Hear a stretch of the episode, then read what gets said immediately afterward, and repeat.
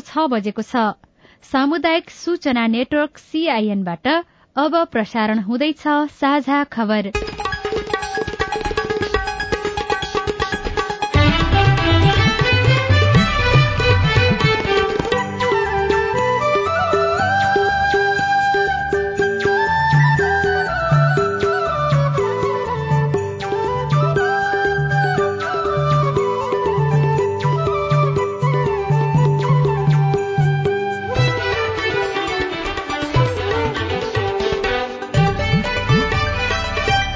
शुभ प्रभात यो सीआईएनको साझा खबर हो। उषा तामाङसँगै राजन रुचालको तपाईँलाई स्वागत छ। सामुदायिक रेडियोबाट देशैभरि एकैसाथ प्रसारण भइरहेको साझा खबर सीआईएन खबर डट कम र मोबाइल एप सीआईएनबाट पनि सुन्न सकिन्छ। आज दुई हजार उनासी साल असार चौध गते मंगलबार जुन अठाइस तारीक सन् दुई हजार बाइस नेपाल सम्मत एघार सय बयालिस असाढ़ कृष्ण पक्षको औंसी तिथि। छैठौं वर्ष प्रवेशको अवसरमा जुम्लाको रेडियो खुल्ला आकाशलाई उत्तरोत्तर प्रगतिको शुभकामना व्यक्त गर्दै साझा खबरमा प्रमुख खबरका शीर्षकहरू। राजधानीका दश ठाउँमा हैजा संक्रमण जारको पानीमा समेत हैजाको जीवाणु भेटियो। स्वास्थ्य सरसफाईमा ध्यान दिन विज्ञहरूको आग्रह। तालमेल भएका शहरमा बदरमत बढ़ी। सर्वोच्चको आदेश विपरीत पूर्व विशिष्टलाई सरकारी आवास गाड़ी र इन्धन सुविधा दिने सरकारको तयारी। संसद सुस्त मिनी संसद अस्तव्यस्त। देशभर फैलियो मनसुनी वायु बिहिबारसम्म झरीको सम्भावना। साउदीमा कामदारको बिचल्ली न काम पाउँछन् न त स्वदेश फर्कन सक्छन्। कर्णालीको अदुवा युरोपमा बाँकेको जयसपुर तरकारी बेचेर समृद्ध बन्दै युक्रेनको सपिङ सेन्टरमा भएको हमला युद्ध अपराध भएको भन्दै निन्दा। जोर्डनको अकाबा बन्दरगाहमा विषाक्त ग्यास चुहावट हुँदा एघार जनाको मृत्यु। बीआरआई विरूद्ध छ सय अर्बको कोष परिचालन गर्ने। र नेपाली राष्ट्रिय क्रिकेट टोली क्यानाडा प्रस्थान।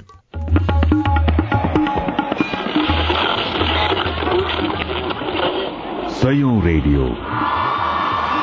हजारौं रेडियो कर्मी र करोड़ौं नेपालीको माझमा यो हो सामुदायिक सूचना नेटवर्क सीआईएन साझा खबरको सबैभन्दा शुरूमा राजधानी काठमाडौँका दश ठाउँमा हैजा संक्रमण फैलिएको प्रसंग उपत्यकामा हैजाका बिरामी थपिने क्रम नरोकिएपछि विज्ञहरूले पानी र खानेकुरामा विशेष सावधानी नअपनाए स्थिति भयावह हुन सक्ने चेतावनी दिएका छन्। काठमाण्डु उपत्यकाका दश ठाउँमा बाह्र जनामा हैजाको संक्रमण पुष्टि भइसकेको छ। दुई साता अघि बाग बजारमा डेरा गरी बस्ने दिदी बहिनीमा पहिलो पटक हैजा देखिएको थियो। त्यस यता यसको संक्रमण क्रम विस्तार हुने क्रममा छ। दिल्ली बजार सानेपा कपन बालाजु थानकोट बल्खु खसी बजार नैकाप र कोटेश्वरमा हैजा पुष्टि भएको छ। स्वास्थ्य सेवा विभाग इपिडेमियोलोजी तथा रोग नियन्त्रण महाशाखा ईडीसीडीका निर्देशक डाक्टर चुमनलाल दासले बिरामीको संख्या वृद्धि हुँदै गएको बताउनुभयो। उहाँका अनुसार पाटन अस्पताल र बयोदा अस्पतालमा एक एकजना र शुक्रराज ट्रपिकल तथा सर्वरोग अस्पताल टेकुमा दुईजना हैजाका बिरामी उपचाररत छन्। प्रदूषित पानी र स्ट्रीट फूडका कारण हैजा फैलिरहेको आशंका गरिएको छ। टेकु अस्पतालका निर्देशक डाक्टर मनिषा रावलले मनसूनका कारण पानी पानीको मुहान प्रदूषित हुने भएकाले थप सावधानी अपनाउनु पर्ने बताउनुभयो। काठमाडौँ उपत्यकामा प्रयोग भइरहेका सबैजसो पानीमा हैजाका जीवाणु इकोलाई भेटिएको राष्ट्रिय इपिडिमियोलोजी तथा रोग नियन्त्रण महाशाखाले जनाएको छ। महाशाखाले परीक्षण गरेका उपत्यकाका विभिन्न ठाउँको पानीका स्रोतहरूमध्ये बागबजार दिल्ली बजार र सानेपाको पानीमा हैजाका जीवाणु भेटिएको महाशाखाका प्रमुख दासले बताउनुभयो। थप स्थानका नमूना पनि परीक्षण भए पनि रिपोर्ट आउन बाँकी रहेको उहाँले बताउनु भएको छ। जारको पानीमा समेत हैजाका जीवाणु भेटिएको बताइएको छ।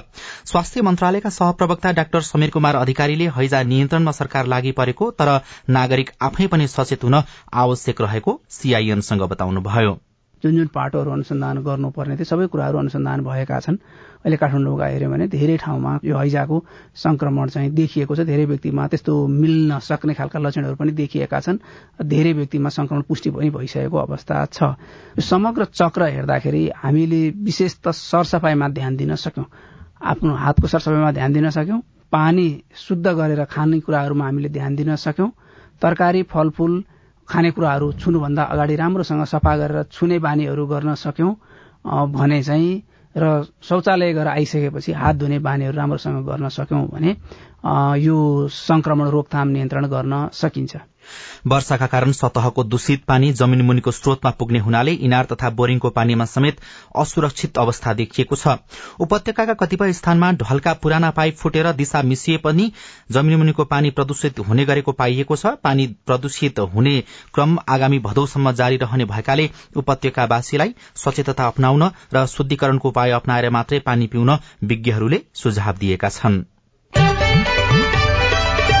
अब राजनैतिक प्रसंग। नवनियुक्त मन्त्रीहरूले हिजो पद तथा गोपनीयताको शपथ ग्रहण गरेका छन्। नवनियुक्त मन्त्रीहरूलाई राष्ट्रपति विद्यादेवी भण्डारीले हिजो बिहान शपथ ग्रहण गराउनु भएको हो। नेकपा एकीकृत समाजवादीको सिफारिश अनुसार जीवनराम श्रेष्ठ संस्कृति पर्यटन तथा नागरिक उड्डयन मेटमणी चौधरी शहरी विकास भवानी प्रसाद खापुङ स्वास्थ्य शेरबहादुर कुवर श्रम रोजगार तथा सामाजिक सुरक्षा मन्त्री र हिराचन्द्र केसी स्वास्थ्य तथा जनसंख्या राज्य मन्त्रीमा नियुक्त भएका हुन्। उनीहरूले हिजै पदभार उपहार ग्रहण गर्दै व्यक्तिगत स्वार्थ त्यागेर देश र जनताको हितमा काम गर्ने प्रतिबद्धता व्यक्त गरेका छन्। नवनियुक्त शहरी विकास मन्त्री मेढमणी चौधरीले नेताहरू घमण्डी भएकाले देश अघि बढ़न नसकेको टिप्पणी गर्दै आफूले इमानदारीपूर्वक काम गर्ने प्रतिबद्धता व्यक्त गर्नुभयो। यस्तै संस्कृति पर्यटन तथा नागरिक उड्डयन मन्त्री जीवनराम श्रेष्ठले विश्व सम्पदा सूचीमा रहेका स्वयम्भू र हनुमान ढोकालाई जोड्ने सम्पदा मार्ग बनाउने आफ्नो पहिलो प्राथमिकता रहेको बताउनुभयो। यो हनुमान ढुका र स्वयम्भू दुईवटा चाहिँ नि विश्व सम्पदा सूचीमा रहेका ठाउँहरू हुन्। यो दुईवटा ठाउँलाई जोड्ने गरी एउटा चाहिँ नि सम्पदा मार्ग यो हेरिटेज ट्रेल बनाउने भनेर धेरै कामहरू भइसकेको छ। त्यसको डिपिआरहरू सबै भइसकेका छन् र त्यो कामको लागि बजेट पनि यो वर्षको बजेटमा परिसकेको छ। त्यो कामलाई प्रारम्भ गर्ने भन्ने एउटा चाहिँ नि विषय त्यो हो। आगामी आर्थिक वर्षको बजेट तथा कार्यक्रमलाई लिएर राष्ट्रिय सभामा उठेका विभिन्न प्रश्नहरूको सम्बन्धित मन्त्रीहरूले जवाफ पनि दिएका छन्। राष्ट्रिय सभामा उठेका प्रश्नहरूको जवाफ दिँदै अर्थमन्त्री जनार्दन शर्माले सबैको सुझावका आधारमा बजेट निर्माण गरेको भन्दै बजेट बनाउँदा करका दर हेरफेर गर्ने अधिकार अर्थमन्त्रीमा निहित रहेको दावी गर्नुभएको छ। मन्त्री शर्माले करको दर बढ़ाउँदा देश र जनतालाई हित गरेर नगरेको हेर्ने उद्योगलाई परेको असर बारेमा थाहा पाउने र करको दर घटबढ़ गर्ने अधिकार अर्थमन्त्रीको रहेको दावी गर्नुभयो। अर्थमन्त्रीले बजेट नल्याएर अर्थमन्त्रीले करको दर रेटलाई घटबड नगरेर अरू के गर्नु पर्थ्यो त? नेपाल सरकार कार्यविभाग नियमले दिएको अधिकारको कुरा हो। त्यस कारणले यसलाई कथा बुनेर अर्कातिर लग्ने भन्दा पनि मैले यो बजेट कार्यान्वयन हुँदै जाँदा लक्ष्य तोकिएको छ। यति प्रतिस्थापन गर्ने यति गरिबी हटाउने यति मानव सूचाङ्कको यति वृद्धि गर्ने तोकिएका आँकडाहरू छन्। तोकिएका आँकडामा यो बजेट कार्यान्वयन हुने क्रमबाट भोलि यो देशको औद्योगिकरणमा आउने परिवर्तन उत्पादनमा आउने परिवर्तन प्रतिस्थापनमा आउने परिवर्तनले सबै कुरालाई पुष्टि गर्नेछन्।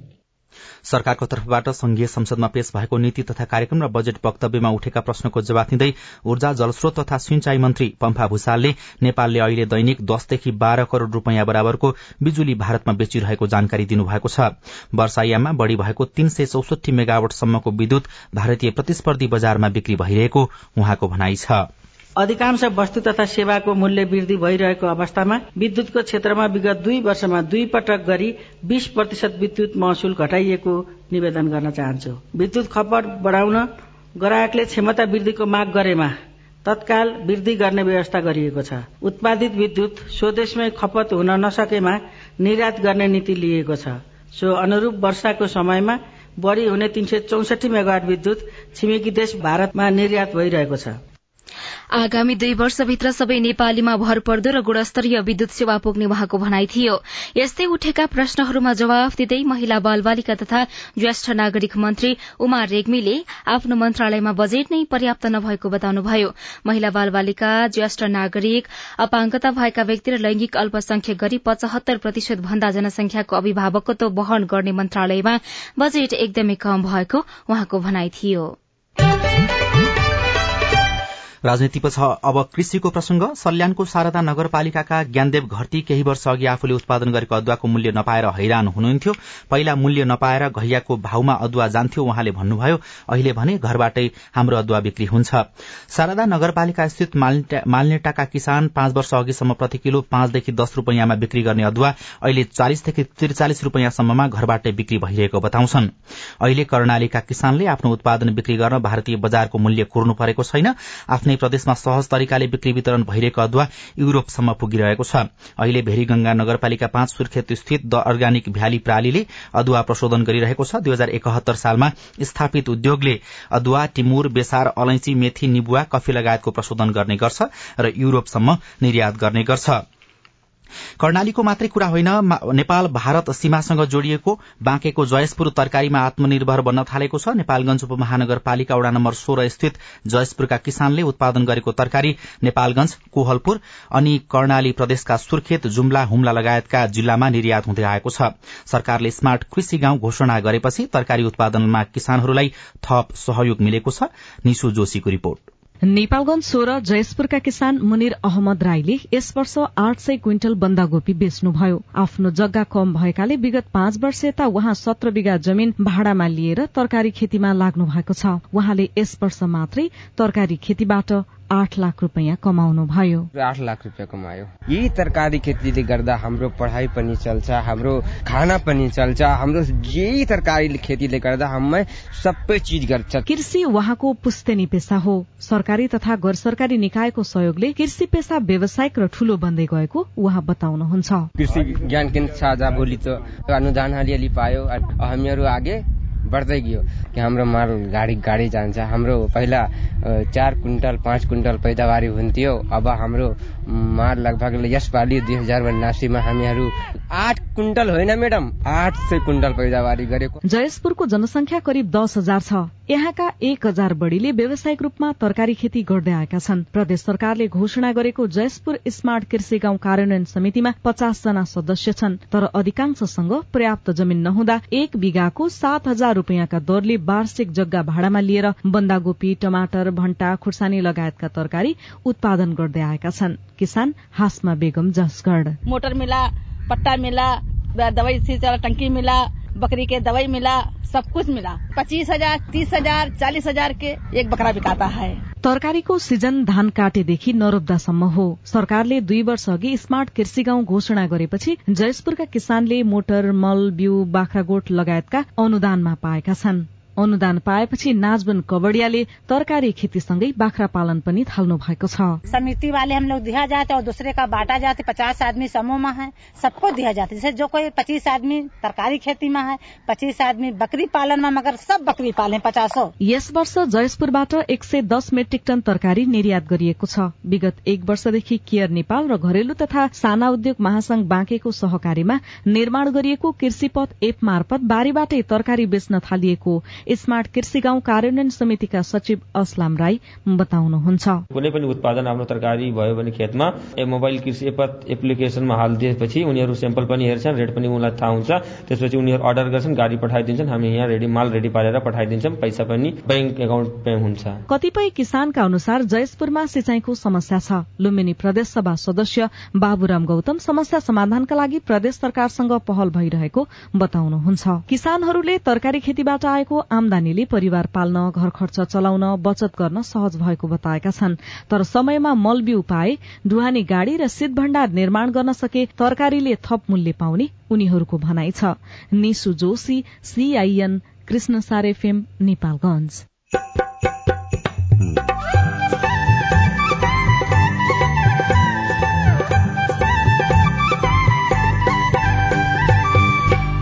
सामुदायिक सूचना नेटवर्क सीआईएन मार्फत देशभरि प्रसारण भइरहेको साझा खबरमा सर्पले टोकेपछि उपचारका लागि चाहिने औषधि नेपालमै बनाउन सम्भव छैन।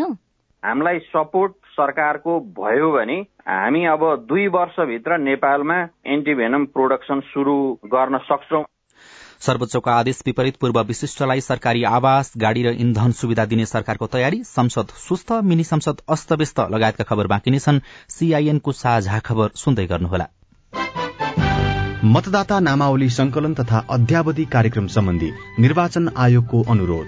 आगामी प्रतिनिधि सभा तथा प्रदेश सभा सदस्य निर्वाचनलाई दृष्टिगत गरी आयोगले यही दुई हजार उनासी साल असार एक गतेदेखि मतदाता नामावली संकलन तथा अध्यावधि कार्यक्रम सञ्चालन गरिरहेको छ। नागरिकता लिएका र नाम दर्ता गर्न छुट भएका सबै नेपाली नागरिकहरूले प्रदेश तथा जिल्ला निर्वाचन कार्यालय जिल्ला प्रशासन कार्यालय र इलाका प्रशासन कार्यालयमा गई आआफ्नो नाम दर्ता गराउन सकिन्छ।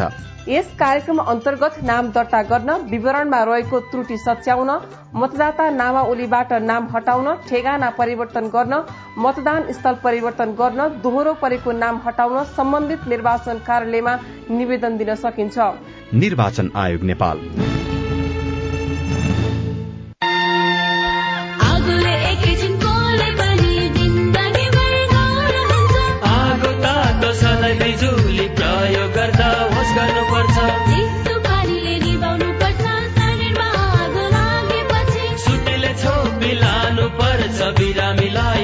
स्वास्थ्य चौकी नानी हुन्न भान्सामा खेल्नु तातो र बलले सामान हुन्छ होस गरी चलाऊ स्टोभ र ग्यास भुइँमा पकाए दुर्घटना बढ्छ अग्निजन्य दुर्घटना भएमा शून्य एक पचपन्न पचपन्न छ आठ नौमा सम्पर्क गर्नुहोस्। बीबीएस नेपाल ललितपुर।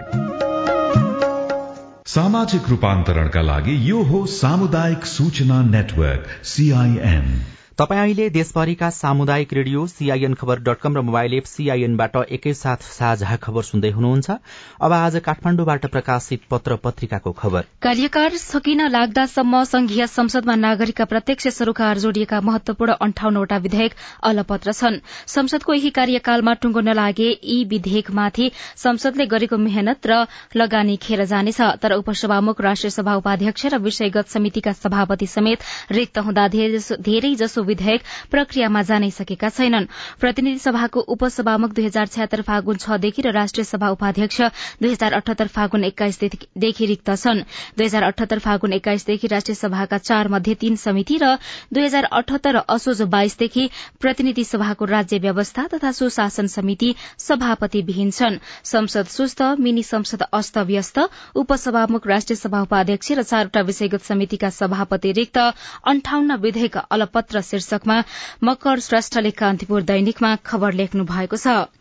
गाउँमा भन्दा शहरमा शिक्षित जनसंख्याको बसोबास र मतदाता शिक्षाको कार्यक्रममा पहुँच बढ़ी हुने विश्वास गरिए पनि बदरमतको स्थिति भने ठिक विपरीत पाइएको छ। स्थानीय तह निर्वाचन दुई हजार उनासीमा गाउँभन्दा शहरमा बदरमत बढ़ी खसेको छ। त्योभन्दा पनि दलहरूबीच तालमेल भएका शहरमा सबैभन्दा बढ़ी मत बदर भएको पाइएको छ। निर्वाचन आयोगले दलहरूका कारण बदरमत बढ़ी भएको दावी गरेको छ तर आयोगका पूर्व पदाधिकारी भने आयोगकै कमजोरीले बदरमत बढ़ेको बताउँछन्। ईश्वर चन्द्र झाले गोर्खापत्र दैनिकमा खबर लेख्नु भएको छ। नयाँ पत्रिका दैनिकमा सर्वोच्चको आदेश विपरीत पूर्व विशिष्टलाई सुविधा दिने सरकारको तयारी शीर्षकमा लेखिएको खबर छापिएको छ। सरकारी ढुकुटीमा करोड़ौं भार थपिने गरी सरकारले पूर्व विशिष्ट पदाधिकारीहरूलाई आवास कर्मचारी गाड़ी चालक र इन्धन लगायतका सुविधा दिने तयारी गरेको छ। त्यो पनि सर्वोच्च अदालतको आदेश विपरीत। यसरी सुविधा दिँदा एकजना पूर्व पदाधिकारी बराबर शुरूमै करिब एक करोड़ खर्च हुन सक्ने गृह मन्त्रालयको आकलन रहेको छ। यसबाहेक उनीहरूको सुरक्षा प्रबन्धमा लाग्ने खर्च पनि राज्यले बेहोर्नुपर्छ खबरमा उल्लेख गरिएको छ। अनि नयाँ पत्रिका दैनिकमै देशभर मनसून फैलिएको खबर पनि छापिएको छ र बिहिबारसम्म झरीको सम्भावना भएको भनेर मौसम विज्ञले भनेको खबरमा उल्लेख गरिएको छ। कान्तिपुर दैनिकको भित्री पृष्ठमा साउदीमा कामदारको विचल्ली शीर्षकमा होम कार्कीले लेख्नु भएको खबर छापिएको छ। कैलालीका देवगण महत्व साउदी अरब पुगेको पाँच महिनासम्म काम गर्ने स्थान निश्चित भएको छैन। जनवरी सत्ताइस तारीकमा साउदी पुग्नु भएका उहाँलाई स्टन कन्स्ट्रक्सन मेन्टेनेन्स कम्पनीले रियाददेखि जेद्दासम्म विभिन्न ठाउँमा कुदाइसकेको छ। पछिल्लो समय त्यो कुदाई जेद्दाको विकट गाउँ बुम्फिदा आएर रोकिएको छ। हामीलाई बिरालोले बच्चा सारे जसरी कम्पनीले सारेको सारै गर्छ। आज एउटा ठाउँ पुर्याउँछ भोलि झोला बोकेर कता पुर्याउँछ पत्तै हुँदैन। कान्तिपुरसँग महत्वले फोनमा भन्नुभएको छ। अहिले एउटा मजरामा ल्याएर राखेको छ। त्यो मजरा जेद्दा जाने हाइवे रोडबाट मरूभूमिमा पर्छ। पचास डिग्रीको तापक्रममा दिनभर सड़कमा काम गर्नुपर्दा उहाँ गलिसक्नु भएको छ।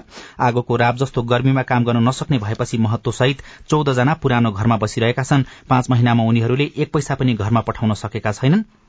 ब्लू ग्यालेक्सी ओभरसिजले पठाएका एक सय पैंतालिस जनालाई कम्पनीले जहाँ काम भेटिन्छ त्यहाँ पठाउने गरेको छ। तलब दिएको छैन। कम्पनीले उनीहरूको बारेमा चासो समेत नराखेको खबरमा उल्लेख गरिएको छ। साझा खबरमा अब हेलो सीआईएन अविनाश आचार्यबाट। नमस्कार म सुदर्शन रेग्मी मोरङ जिल्लाबाट। प्रदेश नम्बर एकले प्राविधिक धारतर्फ सहायक स्तर चौथो र पाँचौं तहको विज्ञापन यही असारको पहिलो सोमबार गर्ने भनी कार्यतालिकामा सार्वजनिक गरेकोमा यसपाल कुनै कारणले विज्ञापन नगरिएको हो? कहिले चाहिँ विज्ञापन हुन्छ होला?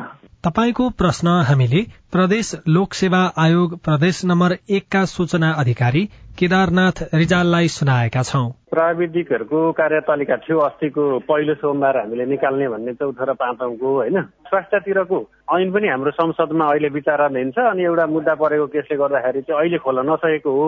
साउनदेखि नयाँ तारिक कार्यतालिका आउँछ अनि सेम त्यो कार्यतालिका अनुसार खुल्छ। नमस्कार म तुलसीपुर बनाउ महानगरपालिका दाङबाट। मैले राष्ट्रिय परिचय पत्र बनाएको थिएँ। यो बनाएको कति दिनभित्रमा पाइन्छ होला? जवाफमा राष्ट्रिय परिचय पत्र तथा पञ्जीकरण विभागका निर्देशक ललित कुमार बस्नेत भन्नुहुन्छ।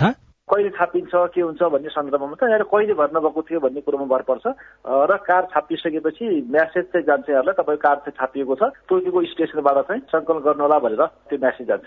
वितरण हुन कति समय लाग्ला? सुरुमै विवरण दर्ता गरेका नागरिकहरूको कार्ड चाहिँ छाप्न सुरु भएको छ। त्यस्तोको चाहिँ हामी अहिले सिंहदरबारबाट वितरण पनि गरिराखेकै छौँ। र अरू जिल्ला जिल्लाबाट सङ्कलन गरेको अब विवरण जुन छ त्यसको पनि छिट्टै अब केही महिनाभित्र हामी जिल्ला जिल्लामा चाहिँ कार्ड पठाउँछौँ जिल्ला प्रशासन कार्यालयहरूमा। नमस्ते म धनगढी उपमहानगरपालिका पाँच कैलालीबाट रमेश उप्रेती बोलिरहेको छु। मैले एजुकेसन विषयबाट निमावि लाइसेन्सको फर्म भरेको छु। साइन्स विषय लिएर आइएससी पनि गरेको छु। मैले लाइसेन्स निकालेपछि गणित विज्ञान विषयको लागि शिक्षक सहयोग दिन पाउँछु कि पाउँदैन? तपाईँको जिज्ञासा मेटाइदिनका लागि हामीले शिक्षक सेवा आयोगका सूचना अधिकारी सुदर्शन मराहट्टालाई अनुरोध गरेका छौं। यदि तपाईँले चाहिँ आइएससी मात्रै गर्नु भएको छ र शिक्षा विषय लिएर स्नातक वा दस महिने तालिम लिएको छैन भने तपाईँले अध्यापन अनुमति पत्रको परीक्षाको फर्म भरे तापनि तपाईँ परीक्षामा पास हुनुभयो भने पनि उक्त परीक्षा चाहिँ रद्द हुन्छ र तपाईँले लाइसेन्स प्राप्त गर्न सक्नु हुँदैन। यदि तपाईँको प्रश्न स्पष्ट भयो चाहिँ मैले अझ स्पष्ट जवाब दिन सक्ने। धन्यवाद। तपाईँ जुनसुकै बेला हाम्रो टेलिफोन नम्बर शून्य एक बान्न साठी छ चार छमा फोन गरेर आफ्नो प्रश्न जिज्ञासा गुनासा तथा प्रतिक्रिया रेकर्ड गर्न सक्नुहुन्छ। साझा खबरमा अब विदेशका खबर। युक्रेनको क्रेमेन्चुक शहरको एउटा शपिङ सेन्टरमा मिसाइल आक्रमण हुँदा कम्तीमा तेह्र जनाको मृत्यु भएको छ। करिब एक हजार नागरिक रहेको शपिङ सेन्टरमा भएको आक्रमणलाई जर्मनीमा बसिरहेका धनी सात राष्ट्रहरूको समूहको बैठकका नेताहरूले घृणित भन्दै निन्दा गरेका छन्। अनि जोर्डनको रेड सी बन्दरगाह आकाबामा विषाक्त क्लोरिन ग्यास चुहिँदा एघार जनाको मृत्यु भएको छ भने दुई सय पचास भन्दा बढ़ी घाइते भएका छन्। क्रेन खराबीका कारण एउटा रासायनिक भण्डार कन्टेनर ढुवानी गर्ने क्रममा खस्ता विस्फोट भएको बताइएको छ। र विश्वका धनी समूहहरूको देशहरूको समूह जी सेभेनले चीनको बेल्ट एण्ड रोड इनिसिएटिभ बीआरआईलाई चुनौती दिन विकासशील देशहरूमा छ सय अर्ब डलरको कोष परिचालन गर्ने घोषणा गरेका छन्। नेताहरूले बेलायतमा गत वर्ष भएको जी सेभेनको वार्तामा घोषणा गरिएको विश्वव्यापी पूर्वाधार र लगानी पीजीआईआई सम्बन्धी साझेदारी कार्यान्वयन गर्ने योजनाको खाका सार्वजनिक गरेका हुन्। साझा खबरमा अब खेल खबर। नेपाली राष्ट्रिय क्रिकेट टोली क्यानाडा र स्कटल्याण्ड भ्रमणका लागि प्रस्थान गरेको छ। नेपाल स्कटल्याण्डमा विश्वकप लीग दुई अन्तर्गतको त्रिकोणात्मक एक दिवसीय श्रृंखला खेल्नेछ। त्यसअघि नेपाली टोलीले क्यानाडामा एक दिवसीय श्रृंखला खेल्ने तालिका रहेको छ। नेपाल स्कटल्याण्डमा लीग दुई अन्तर्गत घरेलु टोली र नामिबियासँग खेल्नेछ। त्यसअघि नेपालले क्यानाडासँग दुई खेलको एक दिवसीय श्रृंखला र एक स्थानीय क्लबसँग अभ्यास खेल खेल्नेछ। क्यानले क्यानाडा र स्कटल्याण्ड भ्रमणका लागि सन्दीप लामिछानेको कप्तानीमा चौध सदस्यीय टोलीको घोषणा गरिसकेको छ। सर्पले टोकेपछि उपचारमा प्रयोग हुने एन्टी स्नेक भेनमको उत्पादन देशमै सम्भव छैन। के के छन् समस्या? रेडियो रिपोर्ट अरू खबर र कार्टुन पनि बाँकी नै छ। सीआईएनको साझा खबर सुन्दै गर्नुहोला। नेपाल टेलिकमको सूचनाको संसार। होइन के सुनेको यस्तो ध्यान दिएर दोहोरो बोलेको जस्तो नि देख्दिन। तीन दुई एक शून्य शून्य क्या? तीन दुई एक शून्य शून्य? के हो त्यो भने? बुझिन त। ल सुन। एनटिसी प्रयोगकर्ताहरूले आफ्नो मोबाइल तथा ल्यान्डलाइनमा तीन दुई एक शून्य शून्य डायल गरी समाचार रेडियो कार्यक्रम खेल र अन्य विषय बारे सन्देशहरू जुनसुकै बेला निशुल्क सुन्न सक्छन्। ओहो निशुल्क? कस्तो सजिलो। समाचार सुन्न छुट्यो भनेर पिर लागेको थियो। अब त म पनि सुनिहाल्छु। कति रे? तीन दुई एक शून्य शून्य। सामाजिक रूपान्तरणका लागि यो हो सामुदायिक सूचना नेटवर्क सीआईएन साझा खबरमा अब सर्पको टोकाई र उपचारमा चाहिने औषधिको कुरा। विश्व स्वास्थ्य संगठनको तथ्याङ्क अनुसार नेपालमा हरेक वर्ष एक हजार भन्दा बढ़ी व्यक्तिको मृत्यु सर्पले टोकेर हुन्छ। कतिपय मानिसको स्वास्थ्य संस्था नपुग्दै मृत्यु हुन्छ। त्यसैले पनि सर्पको टोकाईका कारण ज्यान गुमाउनेको तथ्याङ्क सार्वजनिक गरिने भन्दा धेरै हुन्छ। सर्पले टोकेपछि उपचारमा प्रयोग हुने एन्टिस्नेक भेनमको मुलुकभित्र उत्पादन नहुँदा करोड़ौं रकम बाहिरिने गरेको छ। हाम्रो यो लालबन्दी नगरपालिका वडा नम्बर दसमा एउटा पाँच वर्षको बच्चा विशाल सर्पल टोकेर दुई वर्ष अगाडि मरेको थियो। यतातिर चाहिँ सबै सरकार पक्षको ध्यान दिनु जरुरी म देख्दछु। सर्लाहीका चित बहादुर मगरका अनुसार उहाँको टोलमा दुई वर्ष अघि एकजना पाँच वर्षका बालकको सर्पको टोकाईबाट मृत्यु भयो। उपचारका लागि अस्पताल पुर्याउनु अघि नै ती बालकको बाटोमै मृत्यु भइसकेको थियो। रौतहटका महादेवी पासवानका श्रीमानको गत वर्षको साउनमा मृत्यु हुनुको कारण पनि सर्पको टोकाई थियो। सर्लाही र रौतहटमा मात्रै होइन गर्मी मौसम शुरू भएसँगै तराईका जिल्लामा सर्पको जोखिम धेरै हुन्छ। यसबाट बच्नका लागि सावधानी अपनाउनुपर्छ तर सर्पले टोकिहालेमा उपचारका लागि आवश्यक पर्ने एन्टी स्नेक भेनम नेपालमा उत्पादन हुँदैन। स्वास्थ्य तथा जनसंख्या मन्त्रालयका सहप्रवक्ता डाक्टर समीर कुमार अधिकारी। त्यसको सम्भाव्यता अध्ययनका लागि स्वास्थ्य मन्त्रालयले विज्ञ सहितको टोली विदेशमा गएर त्यहाँको के कस्तो छ भनेर सबै कुराहरू अध्ययन गरेर प्रतिवेदन पनि मन्त्रालयमा पेश गरेको त्यसै आधारमा अरू विभिन्न संस्थाहरूले आवश्यक कामहरू पनि अगाडि बढाएको छ। सम्भावित कामहरू र सम्भावित निकायहरूसँग समन्वय गर्ने कामहरू स्वास्थ्य मन्त्रालयले अगाडि बढाइरहेको अवस्था चाहिँ छ। एन्टी स्नेक भेनम वर्षेनी करिब तीस हजार भाइल भारतबाट आयात गरिन्छ र यसैका लागि वर्षेनी झण्डै दुई करोड़ रकम बाहिरिने गरेको छ। एन्टिस्नेक भेनम निर्यात बन्द गर्ने आठ वर्ष अघिको भारतको घोषणा कार्यान्वयन भए नेपालमा सर्पले डसेमा उपचार नपाउने अवस्था आउन सक्छ। यसैका कारण पनि सरकारले नेपालमै एन्टिस्नेक भेनम उत्पादनमा प्रोत्साहन गरे पनि प्रतिफल उत्साहजनक छैन। झलनाथ खनाल स्वास्थ्य विज्ञान प्रतिष्ठानका अध्यक्ष रेवती पन्त। प्रदेश सरकारले सम्झौता गरेको छ। संघीय सरकारले पनि आँखा लगाउनु पर्यो होइन? हामीलाई सपोर्ट सरकारको भयो भने हामी अब दुई वर्षभित्र नेपालमा एन्टिभेनम प्रोडक्सन सुरु गर्न सक्छौँ। अहिले भनेको चाहिँ हामी पीडामा मात्रै छौँ। एक अरबको प्रोपर्टी हामीसँग अहिले पनि तपाईँहरू खोज्न सक्नुहुन्छ हामी देखाउन सक्छौँ। प्रतिष्ठानले सर्लाहीको लालबन्दीमा करिब साढे आठ बिगहा जग्गामा एन्टी स्नेक भेनम उत्पादन गर्ने घोषणा गरेको तीन वर्ष भयो। सुनसरी स्थित anti snake venom serum research and manufacturing प्रालीले anti snake venom उत्पादन गर्ने दुई हजार पचहत्तरमा घोषणा गरेको थियो। उद्योगका अध्यक्ष लक्ष्मी प्रसाद भुइयाल। छिहत्तर सालसम्म त हामीलाई यो ऐन नियम संशोधन गर्नै लाग्यो भने त्यसरी हामीले ठूलो लामो समय दुःख पाउनु पर्यो। त्यस पछाडि कोरोना आयो। तत्काल चाहिँ नेपाल सरकारलाई सहयोग गर्नुपर्छ र नेपाली जनतालाई सर्पले टोकेर अकालमा मर्न हुँदैन भनेर काम गरेका छौँ। अब यसमा नेपाल सरकारको नियम अनुसारले ब्याङ्कले लोन प्रवाह गर्नुपर्ने ब्याङ्क रेसियो तरलता चाहिँ समस्या छ पैसा छैन भन्ने खालको कुराहरू छन्। ब्याङ्कसँग नै पैसा नभइसकेपछि एउटा व्यवसायले चाहिने जति पैसा लिन सकिरहेको अवस्था हुँदैन। त्यस्तो थुप्रै कुराहरूले असर पारेको छ। नेपालमा हालसम्म दुईवटा उद्योगले एन्टिस्नेक भेनम आयातका लागि अनुमति पाए पनि यसको उत्पादनका लागि कुनै पनि उद्योग दर्ता भएका छैनन्। फेरि मन्त्रालयका सहप्रवक्ता डाक्टर अधिकारी। राष्ट्रिय अन्तर्राष्ट्रिय सबै कानूनहरू आकर्षित हुने हुन्छ। ती कानूनहरू आकर्षित हुँदाखेरि त्यसको व्यवस्थापन गर्ने सन्दर्भमा स्वास्थ्य मन्त्रालय एक्लैले मात्रै सक्ने कुराहरू हुँदैन। यसमा अन्तर्राष्ट्रिय रूपमा जोडिएका विषयहरूमा अरू निकायहरूले गर्ने कुराहरू हुन्छ। सर्पको विषबाट एन्टी स्नेक भेनम बनाइन्छ। सरकारले औषधिमा आत्मनिर्भर बन्ने घोषणा गरे पनि एन्टिस्नेक भेनम उत्पादनमा तदारुकता नदेखाएको गुनासो जानकारहरू गर्छन्। हाल भारतबाट एन्टिस्नेक भेनम आइरहँदा राज्यको करोड़ौं रकम बाहिरिरहेकै छ। तर यो आयात रोकियो भने सर्पले टोकीमा उपचार नपाएर ज्यान गुमाउनु पर्ने हो कि भन्ने चिन्ता नागरिक स्तरमा सुनिन्छ। स्नेहा कर्ण सीआईएन काठमाडौँ। रिपोर्टसँगै हामी साझा खबरको अन्त्यमा आइपुगेका छौं। सामुदायिक रेडियो प्रसारक संघद्वारा संचालित सीआईएनको बिहान छ बजेको साझा खबर सक्नु अघि मुख्य मुख्य खबर फेरि एकपटक। राजधानीका दश ठाउँमा हैजा संक्रमण जारको पानीमा समेत हैजाको जीवाणु भेटियो। स्वास्थ्य सरसफाईमा ध्यान दिन विज्ञहरूको आग्रह।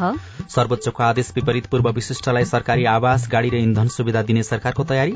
संसद सुस्थ मिनी संसद अस्तव्यस्त। देशभर फैलियो मनसुनी वायु बिहिबारसम्म झरीको सम्भावना। साउदीमा कामदारको बिचल्ली न काम पाउँछन् न स्वदेश फर्कन सक्छन्। कडालीको अदुवा युरोपमा बाँकेको जयसपुर तरकारी बेचेर समृद्ध बन्दै। युक्रेनको सपिङ सेन्टरमा भएको हमला युद्ध अपराध भएको भन्दै निन्दा। जोर्डनको आकाबा बन्दरगाहमा विषाक्त ग्यास चुहावट हुँदा एघार जनाको मृत्यु। र नेपाली राष्ट्रिय क्रिकेट टोली क्यानाडा प्रस्थान। साझा खरको अन्त्यमा कार्टुन लिएका छौं राजधानी दैनिकबाट कुरीकुरी शीर्षकमा उत्तम नेपालले बनाउनु भएको यहाँ प्रशासन मन्त्रालय भनेर देखाइएको छ। मन्त्री जस्ता देख्ने एकजना व्यक्ति छन्। अर्का एकजना व्यक्ति चाहिँ हातमा पैसाको मुठो बोकेर मन्त्रीको अगाडिपट्टि पुगेका छन् र तल चाहिँ व्यङ्ग्य गर्दै केही कुरा लेखिएको छ। खास गरी मन्त्रालयमा किन पुग्छन् मान्छेहरू भन्ने कुरासँग यो विषय सम्बन्धित रहेको छ। घुस बोकेर पुगेका छन् भन्ने कुरा पनि देखाइएको छ। त्यति धेरै अनियमितता हुन्छ भ्रष्टाचार हुन्छ भनेर पनि कुराकानी बाहिर आइरहन्छ। तल चाहिँ यस्तो लेखिएको छ। ए हातमा पैसा बोकेर आरनी मालदार मन्त्रालयमा सरुवा भइन्छ त। ब्रिफकेस छैन ब्रिफकेस। हवस् त प्राविधिक साथी सुनिल राज भारतलाई धन्यवाद। अहिलेलाई राजन रुचाल र उषा तामाङ विदा भयौं। तपाईँको आजको दिन शुभ होस्। नमस्कार। यसपछि देशभरिका सामुदायिक रेडियोबाट कार्यक्रम संवाद प्रसारण हुनेछ। सुन्ने प्रयास गर्नुहोला।